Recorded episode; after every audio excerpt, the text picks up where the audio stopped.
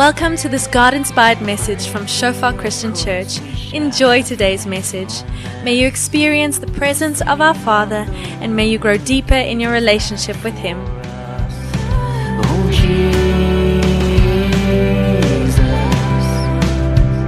your love over So ons titel vir vanoggend is die doel van die mens deel 2.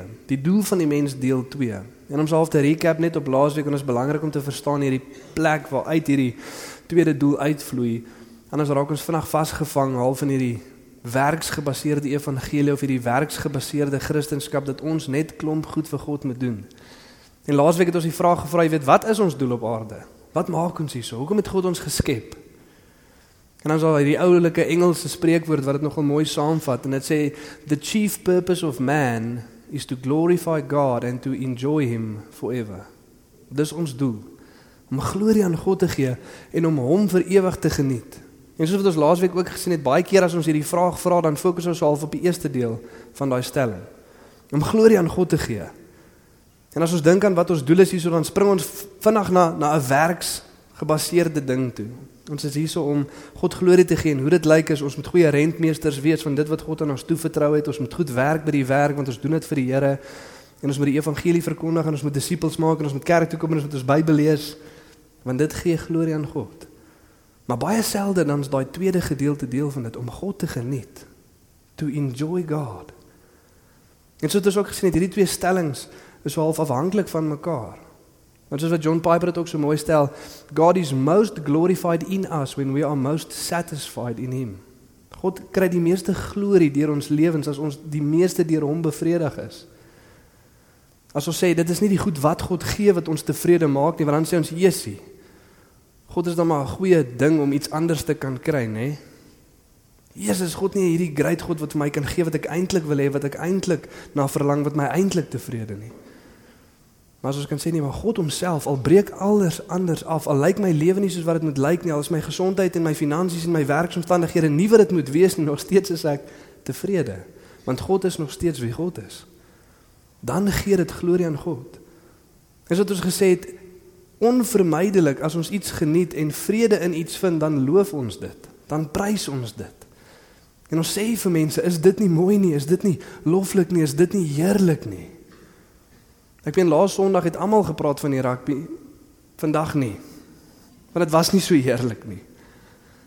Maar dit wat ons geniet, dit wat ons vreugde verskaf, ons praat daaroor, ons prys dit. Ons wil graag hê ander mense moet ook daarvan weet. Soos wat ons gesê het, nie net omdat dit is wat uitvloei nie, maar dit maak daai bevrediging heel. Dit maak dit dit volbring daai bevrediging. Soos daai liedjie wat jy luister en jou vrou moet nou ongelukkig ook daai liedjie luister. Sst, bly stil, luister die woorde. En jy raak kwaad as dit nie dieselfde in hulle doen as wat dit in jou doen. Hulle moet dit nou ook so geniet. Dit moet nou vir hulle ook so betekenisvol wees soos wat dit vir jou was op daai oomblik. Dit gee glorie aan God. Ons moet God geniet. En ons het ook gekyk, dit is waaroor die evangelie gaan primêr. Dat God het ons nie geroep om sekere werke vir hom te doen nie. Hy het nie ons gered sodat ons hom kan dien op 'n eksterne manier nie. Bediening aan God beteken dit nie ons doen goed vir God sodat hy goed vir ons doen nie. Bediening aan God beteken ons geniet God soos wat hy ons geniet. Voordat ons goed vir hom doen. Die Here word bevredig in die feit dat ek en jy net by hom is. Hy het jou gered sodat jy by hom kan wees. Soos wat ons gesien het in Eksodus 19. God sê vir die Israeliete, ek het julle op arensvlerke na my self toe gebring. Die hoofdoel van redding is nie om by die beloofde land uit te kom nie, dis om by God uit te kom. Dis hoekom hulle stil staan in die woestyn. Dis waar hulle God ontmoet. Hierdie is die rede. Ja, ons gaan ook beloofde land toe en dis ook 'n oulike ding wat gebeur, maar dis 'n sekondêre doel. Die primêre doel is om by God te wees. En om dit te verstaan dat God geniet dit as ons net by hom is. Voordat ons goeders doen. Maar uit daai plek het waar ons by God is, waar ons God geniet, waar God ons geniet, vloei daar sekere ander goed uit ons lewens uit. En dit vat ons na die ander paar doele toe wat ons baie keer vir my onsself sal vra, wat sou Jesus doen? Partykeer dra ons daai bandjies, what would Jesus do? Wat sou Jesus doen in 'n spesifieke geval? Want ons wil nou glorie aan God gee. Ons geniet God, ons wil vir hom lewe. Ons wil die vraag vra, wat sou Jesus doen? En om te weet wat Jesus sou doen, moet ons weet wat het Jesus gedoen. Want Jesus sou doen wat Jesus gedoen het. Amen. En wat het Jesus gedoen? Hy het disippels gemaak en die wêreld bereik. Dis wat hy sou doen. En Han wat so mooi gedeel het oor die doel van die kerk het dit vir ons mooi opgesom in 3 punte. Die doel van die kerk en ek en jy is die kerk. Ons is die kerk. So as hierdie die doel van die kerk is, dan is dit ons doel. Dis ons primêre doel. Die eerste een om God te bedien, soos waarvan ons laasweek van gepraat het, om God te geniet soos wat hy ons geniet. Nie om vir God goeders te gaan doen nie, maar om tot God te nader, om by hom te wees. Dis die doel. Die tweede een om gelowiges te bedien, disippels te maak, self 'n disipel te wees. En punt nommer 3 om die wêreld te bedien. En ek wil vandag so 'n bietjie stil staan op punt nommer 2. Punt nommer 2 beteken dat ons self disippels is en ook disippels maak. Dis wat dit beteken om gelowiges te bedien, om die kerk te bedien, om ons om mekaar op te bou vir ons dienswerk. Van nommer 2 van praat. En ons vandag bietjie daarop stil staan. En dit is baie belangrik want ons lewe baie keer in 'n kultuur van mense soof is nie. Ons gaan nie daai deel doen nie. Ons sal ons sal bly by punt nommer 1 en soos ons gesê het, dit is ook 'n bietjie 'n misleiding want ons kan nie punt nommer 1 gereeld en intentioneel doen en nie punt 2 en 3 nie. Want dit is die onvermydelike uitvloei. Ons moet vir mense vertel wat God besig is om te doen. Jy sal nie glo wat ek vanoggend gelees het nie. Jy sal nie glo God gewerk of gepraat het nie. Jy kan nie glo God my kom red het nie. Dit vloei uit. Om saam met mense wat lief is vir God te leer hoe om God meer te geniet en meer glorie aan God te gee. Amen. Dis wat ons geroep is om te doen. Dis 'n mooi ding. Dit vloei uit. En ons moet ook verstaan dat as ons nooit by punt 2 en 3 uitkom nie, dan verstaan ons die evangelie verkeerd. Ons dink dan so half ons is die middelpunt van die evangelie. Dit gaan net oor ons. Die rede vir Jesus wat gekom het is om my te red, om my eendag in die hemel te kry, punt stop einde. Ek gaan nie regtig groei nie, ek gaan nie regtig meer soos Jesus word nie, ek gaan nie ander mense leer van hom nie, ek gaan nie ander mense vertel van hom nie, want dit gaan nie daaroor nie, dit gaan oor my. 'n Teenstelling van die evangelie, dit gaan oor God. En 'n groep mense wat hulle lewe neerlê om God te geniet en die wêreld van hierdie God te vertel. Amen. So besef dit net vanoggend as daar geen bereidwilligheid is om na 2 en 3 toe te werk nie, dan dink jy die evangelie gaan oor jou. Dit gaan oor God. Wat God kom doen het. Ons moet groei in hierdie aspekte. Dit vat my terug na 'n storie toe wat ek eendag uh ook al hierso vertel het van ek wat met 'n vriend gesels van skool. En ek vra hom die vraag, is jy 'n Christen? En my vraag is nog nie eens uit nie en die antwoord kom klaar. Ja. Dadelik. Wit praat Afrikaans, Christen. Obvious.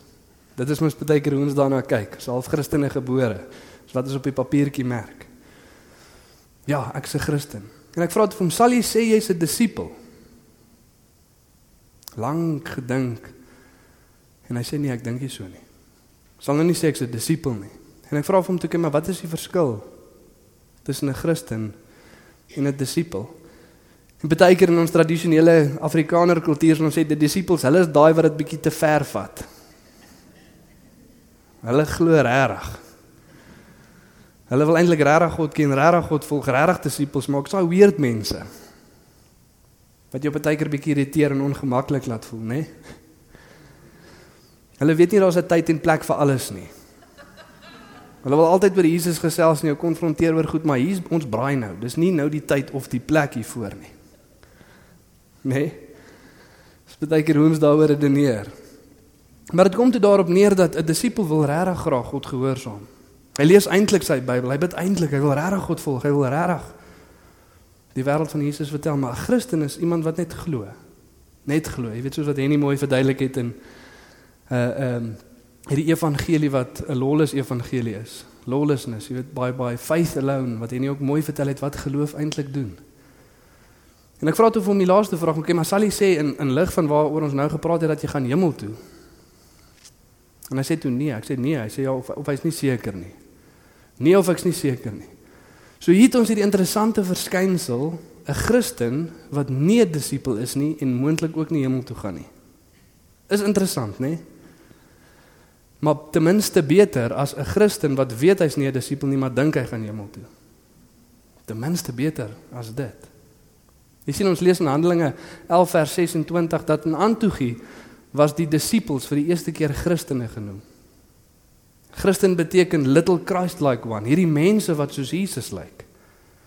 En wat die mense in Antiochie gesê het is hierdie mense wat saamkom en die Here aanbid en ons vertel van God, hulle laat ons nogal aan Jesus dink, nê? Nee? Jesus lyk hulle nie baie soos hy nie. Is hulle nie besig om dieselfde te doen as wat hy gedoen het nie? Dis 'n Christen, a little Christ-like one. Dis nog 'n 'n definisie daai. Ek meen daar waar jy sit, sal jy sê as mense na jou kyk, jy hulle herinner aan Jesus op een of ander manier. Hierdie mens wat soos Jesus is. Liefdevolle mens wat die evangelie verkondig, wat disippels maak van ander, wat sy lewe lewe neerlê sodat ander kan groei. Jy sien dan hoor ons ook baie keer stellings soos Jesus is 'n stelling wat my kan irriteer. As ons werk is nie net om disippels te maak nie, maar disippels wat disippels maak. En die rede hoekom dit my irriteer is, want vir een of ander rede dink mense dat daar so is 'n disipel wat nie disippels maak nie. Dit is wat 'n disipel doen. Disippels maak disippels. So jy kry nie disippels en dan disipelmaker disippels nie. Sien wat ek sê? Jy sien wat wat ons moet verstaan is ons doen wat ons doen want ons is wie ons is. In die wêreld wil ons half anders omleer dat ons is wie ons is want ons doen wat ons doen. Hulle wil hê ons moet ons identiteit kry in wat ons doen. Maar die skrif sê dit werk andersom. Omdat jy is wie jy is, doen jy wat jy doen. Omdat ons disippels is, doen ons wat disippels doen, né? Nee? Soos 'n onderwyser. Wat doen 'n onderwyser? Hulle gee onderwys. Wat doen 'n ingenieur? Hulle soek probleme. Jy doen wat jy is. Nee, sien daar. Dis eenvoudig. En as party mense wat nou nie die titel het nie, maar hulle is eintlik ingenieur, want hulle soek ook heeltyd probleme. Maar jy doen wat jy doen want jy is wie jy is. Dit vloei outomaties daar uit. So as ons disippels is, dan doen ons wat disippels doen. As ons kinders van God is, as ons Christene is, dan doen ons wat Christene doen. En ons gaan so half op drie punte fokus want ons op drie goeie wat ons moet verstaan en ek gaan probeer om bietjie meer devotional te wees vir oggend. Um, en nie te tegnies te wees oor die stuk skrif waar ons deurgaan nie, maar ons moet drie goeders definieer vir oggend. Eerstens, wat is dit? Wat is dit om 'n disipel te wees? Wat is dit om gelowiges te bedien? Wat is die eindpunt? Dan moet ons ook vra vir wie is dit en hoe werk dit? En dan ook wat kort ons vir die proses? Want die ding is baie keer weet ons wat moet gebeur, ons weet hoe dit moet gebeur, maar ons kom net nie daarbey uit nie. En daar's 'n rede vir dit. Daar's iets wat wat ons kort en ons gaan 'n bietjie daarna kyk. So kom ons lees lekker saam deur Efesiërs 4 van vers 11 tot 16. En dan haal ons net so 'n paar stukke uit om vanoggend na te kyk.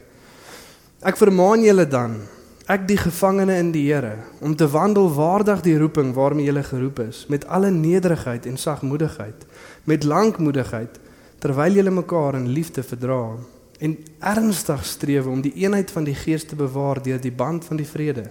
Dis een liggaam en een gees, soos julle ook geroep is in een hoop van julle roeping. Een Here, een geloof, een doop, een God en Vader van almal wat oor almal en deur almal en in julle almal is. Maar aan elkeen van ons is die genade gegee volgens die mate van die gawe van Christus. Daarom sê hy, toe hy opgevaar het in die hoogte, het hy die gevangenes gevange geneem en gawes aan die mense gegee. Maar dit, hy het opgevaar. Wat beteken dit anders as dat hy ook eers neergedaal het in die onderste dele van die aarde? Hy wat neergedaal het is dieselfde as hy wat opgevaar het bokant al die hemele sodat hy alles tot volheid kan bring. En hy het gegee, sommige as apostels, ander as profete, ander as evangeliste, ander as herders en leraars om die heiliges toe te rus vir hulle dienswerk tot opbouing van die liggaam van Christus totdat ons almal kom tot die eenheid van die geloof en tot die kennis van die seun van God tot 'n volwasse man tot die mate van die volle grootte van Christus sodat ons nie meer kinders sou wees nie wat soos golwe geslinger en heen en weer gedryf word deur elke wind van lering deur die bedriegery van die mense deur sleeheid om lustelik tot dwaaling te bring. Maar terwyl ons in liefde die waarheid betrag en alles sou opgroei in hom wat die hoof is, naamlik Christus, uit wie die hele liggaam goed saamgevoeg en saamverbind deur die ondersteuning wat elke lid gee, volgens die werking van elke afsonderlike deel in sy mate, die groei van die liggaam bevorder vir sy eie opbouing in liefde. Wonderlike stuk skrif, lang stuk skrif en ons kan lank daarmee besig wees, maar kom ons fokus net op 'n paar klein deure. Soos wat ek gesê het, ons moet drie goed definieer. Wat is dit? Vir wie is dit? Hoe gebeur dit? En wat kort ons vir dit om te gebeur. So die eerste een sien ons hier in vers 13 en 14. Hier's wat dit is. Dis die einddoel, dis waartoe ons wil groei, dis wat dit beteken om in 'n proses van disippelskap besig te wees vir onsself en vir die om ons. Totdat ons almal kom tot die eenheid van die geloof en van die kennis van die seun van God tot die volwasse man tot die mate van die volle grootte van Christus. Dis nog 'n 'n taamlike teiken om na toe te werk, nê? Nee? Om in eenheid te wees in geloof, om te groei in die kennis van die seun van God en om so volwasse te wees dat ons lyk soos Jesus. Dis nog 'n 'n roeping, dis 'n mikpunt. Dis dis nog 'n 'n goal daai. En dan ook die rede, wat gaan gebeur as ons groei in hierdie proses sodat vir hierdie rede ons nie meer kinders sou wees nie wat soos golwe geslinger en heen en weer gedryf word deur elke wind van lering, deur die bedreery van die mense, deur sleeheid om lustiglik tot dwaling te bring nie. So wanneer hierdie gebeur, wanneer ons in eenheid in geloof is, wanneer ons die kennis van die seun van God het, wanneer ons groei in volwassenheid en meer soos Jesus begin lyk, dan is dan die resultaat ook die mense om ons beïnvloed ons minder. Ons word nie soos golwe heen en weer geslinger deur elke dwaalleer nie. Kyk, die mense was die laaste ruk besig met conspiracy theories. Met COVID wat gebeur het en alles wat besig is om te gebeur en meer so. Dit sal jou al, al hoe minder begin affekteer want jy weet eintlik wat Jesus van ons verwag. Jy's in eenheid met die gelowiges. Jy groei in volwassenheid, so daai goed sal jou minder beïnvloed. So ek en jouself ook vir al die stories wat die laaste ruk hier rond is gedoen het, hoe dit jou beïnvloed. Was jy maklik beïnvloed waar? Glo jy dit maklik? Of is jy volwasse in jou geloof? Belangrike maatstaf vir ons om te hê soos wat hierdie goeters gebeur. Weet en ek en Henny lag nou die dag lekker. Val van die mense wat so baie bekommerd is oor die eindtye. Wanneer gaan Jesus terugkom? Hoe presies gaan dit gebeur? Wat gaan alles gebeur? Wat gaan alles afspeel? Dis wat ons sê, ons is nie lekker seker nie. Party van daai goeters is moeilik om te interpreteer. Maar een ding wat ek jou kan sê, as Jesus terugkom en jy's nie besig met waarmee jy moet besig wees nie, dan sien jy die moeilikheid. Dit kan ek jou beloof. Dis duidelik. Geseënd is die een wat as die meester terugkom besig is om te doen wat die meester vir hom gesê het om te doen. Amen. En dis om God te bedien, die mense om ons te bedien en die wêreld te bereik. Weet in Handelinge 2 as hy as Jesus opvaar in die hemel en dit is my nog 'n snaakse storie. En die engel kom en gaan kyk hy na die disippels en sê: "Mans van Galilea, hoekom staan julle en staar in die hemel in?" Hierdie Jesus, soos wat hy gegaan het, so gaan hy terugkom. Met ander woorde, hou op in die hemel en kyk gaan doen nou wat hy vir julle gesê het om te doen. En vandag het ons baie mense wat in die hemele instaar. Te wag tot dit Jesus terugkom. Wees besig met wat hy vir jou gesê het om te doen. Dis die belangrike gedeelte. Maar hieso is waantoe ons moet groei. En een ding wat ek net hier bietjie vir ons wil uitlig om bietjie prakties te raak is, die rede hoekom ons baie keer sukkel om te groei in ons Christelike wandel is want ons is nie spesifiek of intentioneel nie sien as hierdie die teken is dat ons soos Jesus moet word, dan kan elke liewe een van ons erken dat ons moet groei. Nie een hierso kan sê ek ek hoef nie te groei nie. Kyk, ek het nogal goed gegroei die laaste ruk of ek is klaar vir die jaar. Ek het my teiken bereik. Ek sal volgende jaar bietjie weer probeer. Dit is nou shutdown en alles. So kom ons vat dit rustig en en try volgende jaar. Nee, ons moet groei. So ons weet ons moet groei.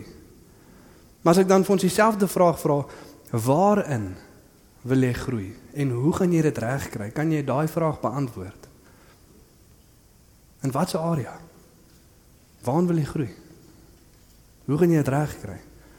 Sien, dis die probleem, ons is nie spesifiek nie en ons is nie intentioneel nie. Ek het nou 1 jaar gesels ek met 'n ou en hy vertel vir my van sy nuwejaarsvoorneme. En dit is toe om in general net bietjie beter te wees. Ek dink wel dis maklik en ook baie moeilik want hoe weet jy? dat jy nou in general bietjie beter is. En baie keer doen ons dit as Christene. Ons wil net bietjie meer soos Jesus wees. Ek wil net groei in my geloof. In general, net 'n bietjie beter. En dan weet ons het ek wat? Het ek nou gegroei? Het ek nou nie gegroei nie? Weet ek waant om te groei? Weet ek nie waant om te groei nie? Hoe moet dit gebeur? Is jy intentioneel? Is jy spesifiek as dit kom by geestelike groei? En vir ons dalk, as jy nie weet waar om te begin nie, begin met die evangelie.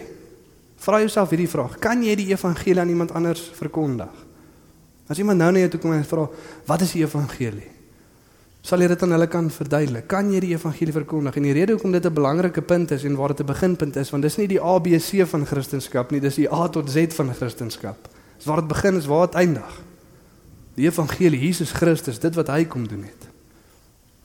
Dis die fondasie aan ons bediening aan God, Dis hoekom ons God bedien, dis hoekom ons by God wil wees. Dis die fondasie aan ons bediening aan mekaar. Mekaar doen ter is vir ons diens dienswerk. En dit is die boodskap wat ons moet verkondig aan die wêreld daar buite. Dit gaan altyd deel vorm van dit wat jy geroep is om te doen op aarde.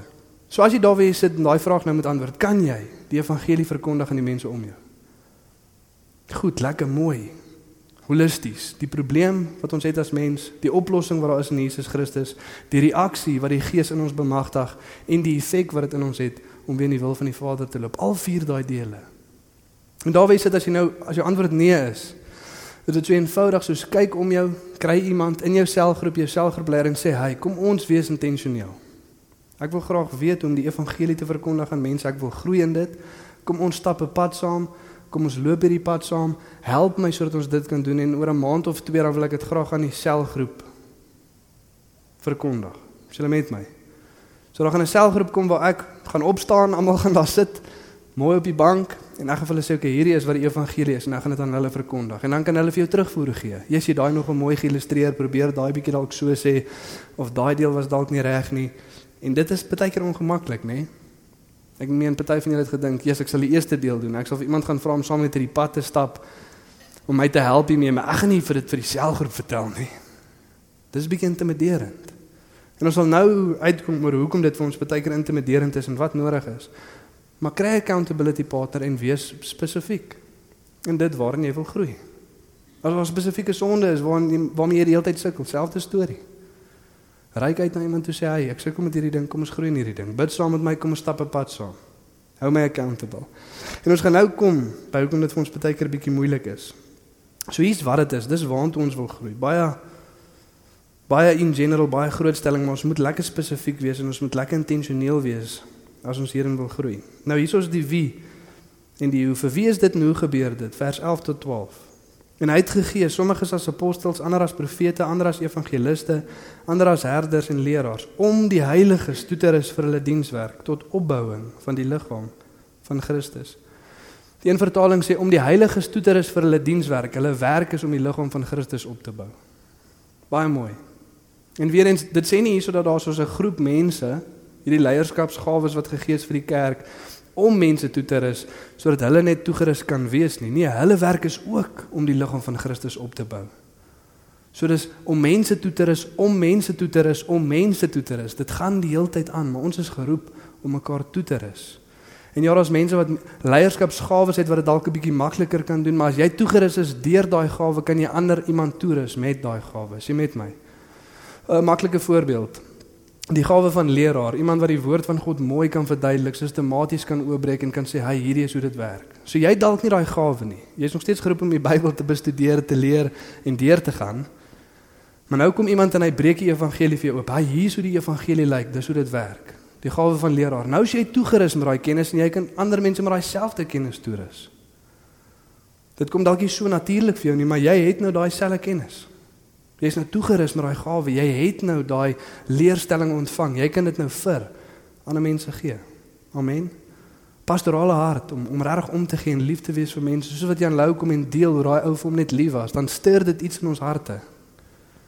En ons ontvang iets en ons vra vir die Here, Here, maak daai realiteit in my hart sodat ek ander mense kan gaan bedien met daai selfde liefde, om toegerus te wees om ander ook te gaan toerus. En dit gebeur deur mense. So dis vir almal, om die heiliges. Is jy deel van die heiliges? Die Christene, die eenkant gesitte een is. Die mense wat uitgeroep is uit die wêreld uit, soos dit is wat ons nou besig is om uit te beeld. Soos die Exodus, kom uit Egipte uit om God te gaan dien in die woestyn. Dis elke Sondag wat ons doen, dis elke keer as ons by selgroep by mekaar mekaar kom wat ons illustreer. Uitgeroep is. Ons is uitgeroep uit die wêreld uit om God te kom dien. Die heiliges, elke liewe een van ons. So dis vir elke gelowige. En dit gebeur deur mense wat bymekaar kom. sien disippelskap kort drie elemente om te gebeur. Die woord van God, die gees van God en die mense van God. Al drie is belangrik. Dis hoekom jy nie kerk kan kyk by jou huis nie. Jy kan nie die uitgeroepte een wees en bly waar jy is nie. Ons is uitgeroep, ons moet gaan. Om saam met God se mense bymekaar te kom om mekaar op te bou. Om daar vir mekaar te wees en nie net te ontvang nie maar om te gee. Weereens as ons dink ons kan dit iewers by ons huis doen en net kerk kyk, dan sê ons die evangelie gaan oor ons. Ek is gered, ek ontvang en ek leer nou lekker, maar ek hoef nie ander mense te bemoedig nie. Ek hoef nie vir ander mense te gaan bid nie. Ek is sommer net hier bly waar ek is. Nee, ons is geroep om by mekaar te wees, daar vir mekaar te wees. En dis die goeie nuus en die slegte nuus. Mense bou mense op. Altyd. Mense bou mense op. God gebruik mense om mense op te bou, maar mense breek ook mense af. Mense breek ook mense af. En niemand van ons is perfek nie. So baie keer gaan ons mekaar opbou, baie keer gaan ons mekaar op afbreek. Dis hoekom die skrif sê verdra mekaar in liefde. Daar's ons baie heiliges wat jy net in liefde gaan moet verdra. Ek gaan jy moet verdra in liefde. Ek gaan jou nooit nooi vir 'n braai nie, maar ons kan saam in 'n sel sit en groei en ons kan saam op missie gaan. Maar ons gaan nie saam op vakansie gaan nie. Want ek is nie lus om op my vakansie jou in liefde te verdra nie. En dis oukei. Okay. Dis regtig oukei. Okay. Ons hoef nie oor die weg te kom met almal nie, ons hoef nie om dieselfde vuur te sit met almal nie.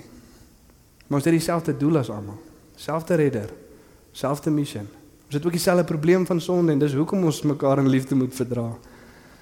Maar dis oukei. Okay om daar vir mekaar te wees en saam mekaar te beweeg, maar wees versigtig met wie jy jouself omring want mense gaan jou opbou of afbreek.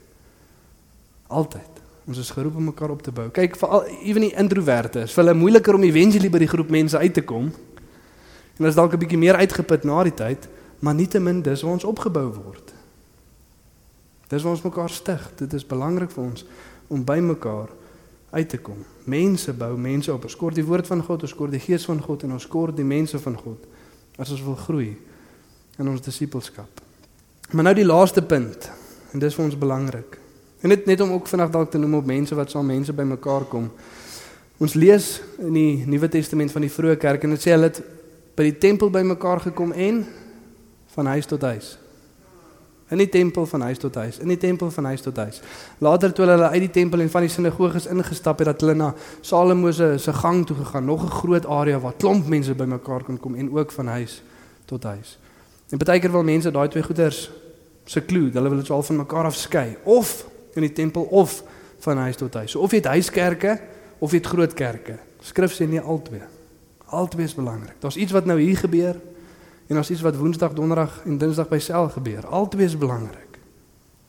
Albei is belangrik. Ons moet albei Hoe het Jesus disippels gemaak? In klein groepe.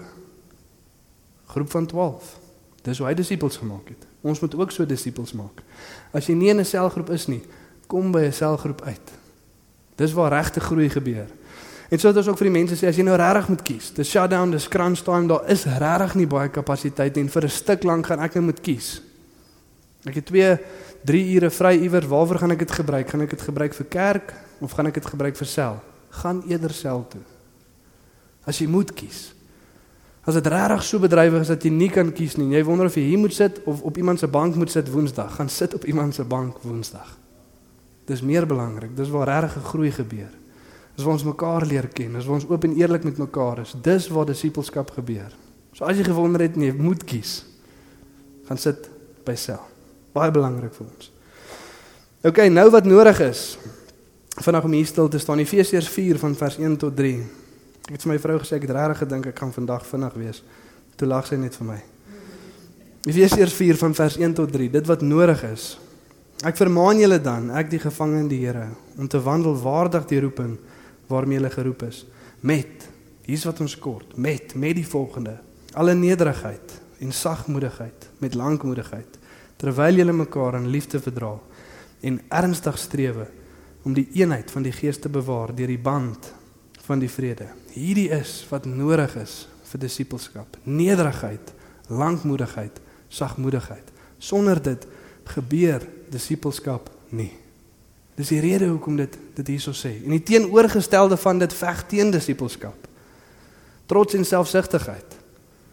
Met trots en selfsugtigheid kan jy nie eens begin met disippelskap nie.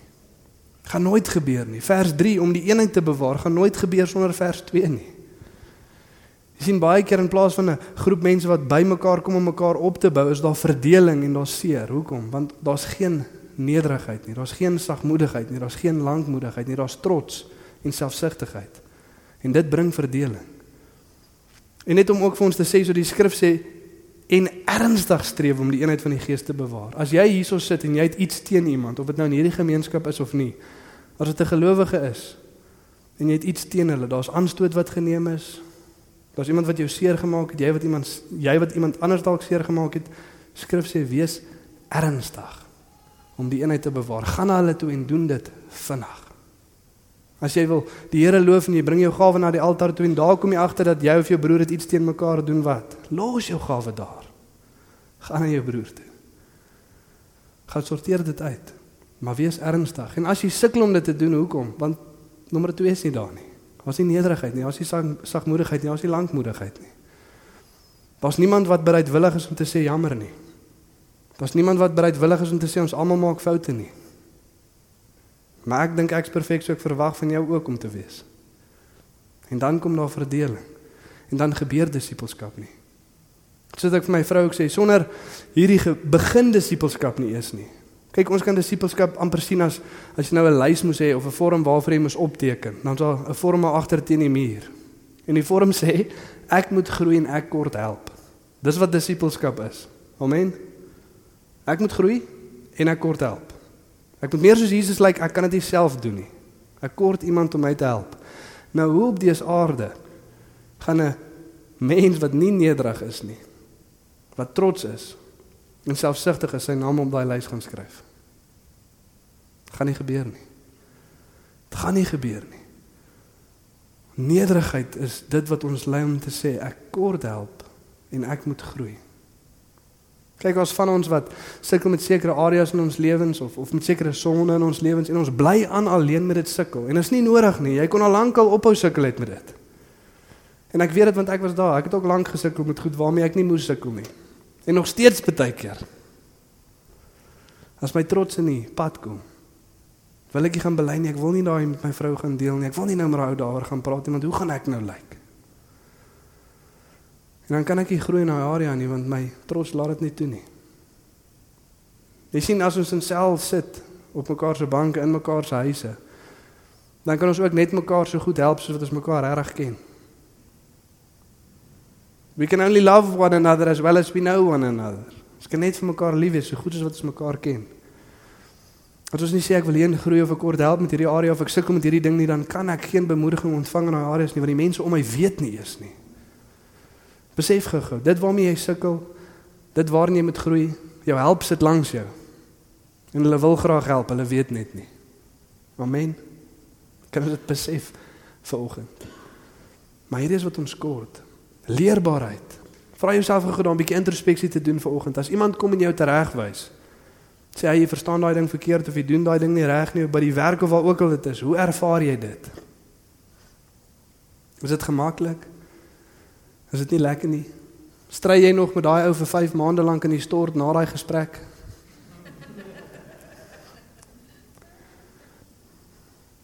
Daai gesprek is justification, ons wat onsself wil oortuig dat ons eintlik right is. Eintlik oukei okay is. En hoe langer ons daai gesprek het, hoe langer moet ons onsself regverdig, hoe ernstiger was die probleem. Amen. Ons moet die realiteit sien om ons afspeel. En ook nou moet ons besef as dit kom by Christendom, hoe moeilik, hoe moeilik om te aanvaar ek het iets verkeerd verstaan. Hoe moeilik om te aanvaar ek het daai ding nie reg gedoen nie. Hoekom? Dit gaan oor ewige lewe hierso. Dis die fondasie waarop my lewe gebou word. Nou wil jy vir my kom sê ek verstaan iets verkeerd. Hoe moeilik. Om in so 'n oomblik te sê ek ek is eintlik verkeerd. Ek verstaan daai eintlik nie reg nie. Of ek het daai nie so gesien nie. Hoe moeilik. Te verstaan vandag as dit kom by geestelike groei, hoe moeilik dit vir ons gaan wees om te erken ons is verkeerd. Hoe ongemaklik as daai realiteit kom. Maar as we daarmee gekonfronteer word, dan moet ons deel met dit. En hierdie lyn na leerbaarheid toe, om leerbaar te kan wees. Hoe meer leerbaar jy is, hoe vinniger sal jy groei. Hoe meer jy dit net invat, hoe meer jy net sê jammer. En toelaat dat God jou kom lei in daai sekere area. Dis nodig leerbaarheid. En al hoe meer in ons kultuur waarin ons lewe, want in vandag se tyd is leerbaarheid nie net by die venster uit nie, sommer relativiteit is nou ook in die venster in. So nie net kan enigiets waar wees nie. Jy beter net nie met my verskil nie. Anders is jy letterlik die slegste mens op hierdie planeet Aarde. Het jy dit gesien? Ons lewe in 'n tyd waar jy met iemand verskil. Waar jy in liefde na iemand toe gaan en vir hulle sê nee, jy kan nie 'n appelboom wees nie, jy's 'n mens. Dan is jy nou die slegste mens op hierdie aarde. Nee, Boeta, jy's nie 'n sissa nie. Dan is jy nou die slegste mens. Relativiteit, leerbaarheid by die venster uit. En ons moet dit besef want dit affekteer ons. Dit affekteer ons. Ons moet leerbaar kan wees, ons moet kan ontvang van die mense om ons af. Sodat ons kan groei en op die pad kan bly. En as ons nou vandag besef, okay, maar ek sukkel.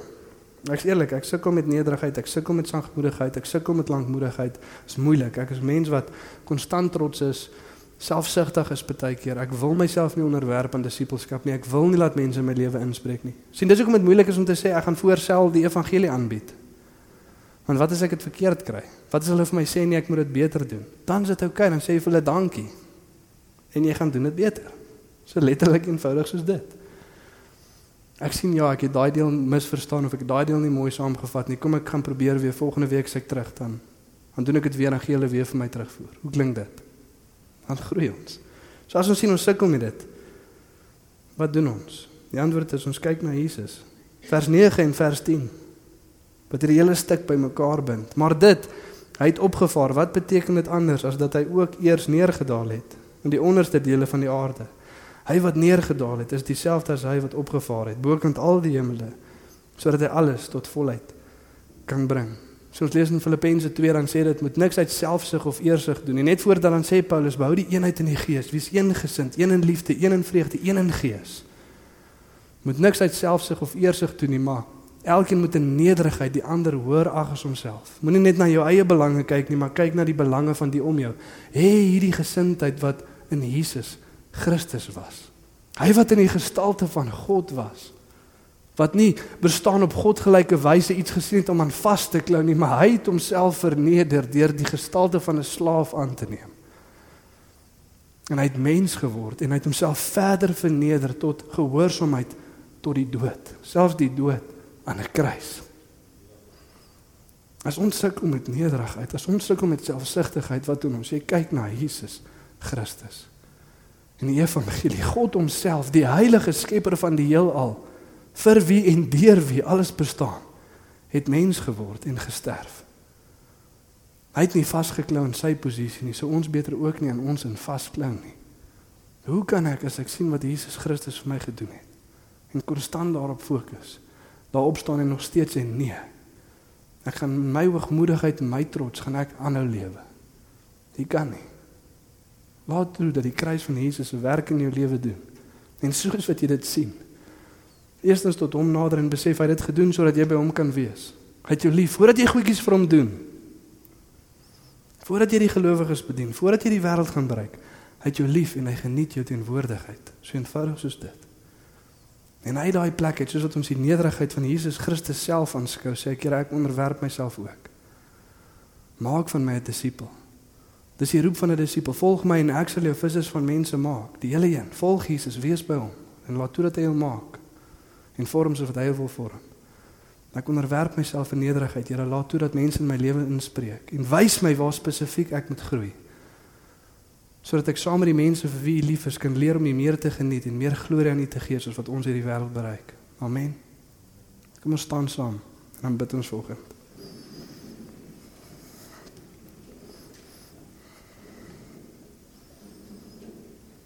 Ja, Vader, dankie Here dat ons osself vir U kan kom neerlê vanoggend, Here. En soos wat ons kyk na die kruis, Here, soos wat ons kyk na Jesus, Here, en besef wat U vir ons kom doen het, Vader, kom sê ons in dankbaarheid, Here, dankie dat U ons kom red het om by U te wees. Om U te kan ken, Here. En dankie Here dat voordat ons disippels word, Here, voordat ons groei, Here, voordat ons die gelowiges bedien, voordat ons die wêreld bedien, het U ons klaar lief. Ons identiteit is nie in wat ons doen, Here. Ons identiteit is gevind aan U, Vader, seuns en dogters van die Heilige God wat ons kom red het. En U het ons lief, Here. Ons wil nie die juk op ons skouers sit wat sê ons moet eers U gehoorsaam en dan sal U ons lief hê nie, Here, maar ons vat die evangelie, Vader, wat sê U het ons lief en daarom is ons gehoorsaam. U het ons klaar gered, klaar vergewe. Dis hoekom ons volg. En omdat ons daai identiteit het, Here, as kinders van God, as disippels van Jesus. Daarom doen ons wat ons doen, Here. Daarom bedien ons U, daarom bedien ons mekaar, daarom bedien ons die wêreld. Omdat U klaar die werk om doen het, Here. En ja, Vader, vanoggend, Here, wil ons kom vra dat U vir ons sal kom wys, Here, waar daar trots in ons harte is. Waar is ons nie leerbaar nie, Here? Here waar jy staan, wil jy dit vir die Here vra nie. Here kom wys my. Waar is daar trots in my hart? Waar is ek onbereidwillig om te groei? Waar is ek onbereidwillig om vir die mense om my te sê ek kort help? En soos wat die Here jou kom wys, kom vra hom vir die genade om vinnig te wees om met mense daaroor te praat, met jou man of jou vrou. Laat jou man of jou vrou weet waarmee jy sukkel, waarna jy wil groei, waartoe jy gaan. Dit gaan julle net nader aan mekaar bring. Maar dieselfde met jou selgroep. Vra jouself die vraag: Het jy 'n groep mense wat op pad van disippelskap saam met jou stap? Wat besig is om jou te vorm en toelaat dat jy hulle vorm? Is daar so 'n groep mense in jou lewe?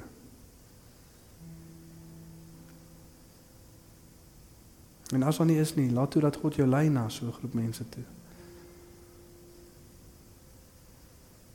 Om gevorm te word en ander te vorm. Maar ja, Here, dankie dat ons ook kan kom lig hier na U toe, Vader. Nie werk op die kruis kan sien, Vader, mag dit nederigheid hier in ons harte veroorsaak, 'n leerbaarheid, 'n sagmoedigheid, 'n lankmoedigheid vir mekaar, Here. As jy vanoggend hier is en jy het iets teen iemand, ons aanstoot, daar's verdeling. Daar's nie versoening in daai verhouding nie. Jy's nog kwaad vir daai persoon of hulle is nog kwaad vir jou wat ook al die geval mag wees. Gaan na hulle toe en doen dit vinnig. As hulle ver is as jy uitstap bel hulle. Laat dit die eerste ding wees wat jy doen. Moenie eers gaan koffie kry nie, moenie eers gaan redeneer nie, hoef ook nie eers daaroor te bid nie. God het dit klaar gesê in sy woord. Dit is nie iets om oor te bid nie, dit is iets om te gehoorsaam. As jy nie in 'n selgroep is nie, sluit by 'n selgroep aan. As jy nie iemand het wat 'n intentionele pad van disippelskap saam jou stap nie, kry vir jou iemand. As jy sê maar jy's die persoon wat ek wil kry om saam met my die pad te stap, hulle weet ook nie veel nie. Dis oukei. Okay. Groei saam. Ons almal het soveel soveel groeiwerk om te doen, soveel kennis om te ontvang. Soveel areas om in te groei. Maar kom ons groei. Ja Here, dankie Vader dat ons volgens intentioneel kan wees, Here, en spesifiek kan wees. En dit wat ons na U toe bring, Vader, en dat U ons kan kom lei, Vader, om te groei sodat ons meer soos Jesus kan lyk, Here. Dankie dat U ons kom red het, Vader, en mag ons se mense wees, Here, wat glorie aan U gee, Vader, sodat ons U geniet vir ewig. In Jesus naam. Amen.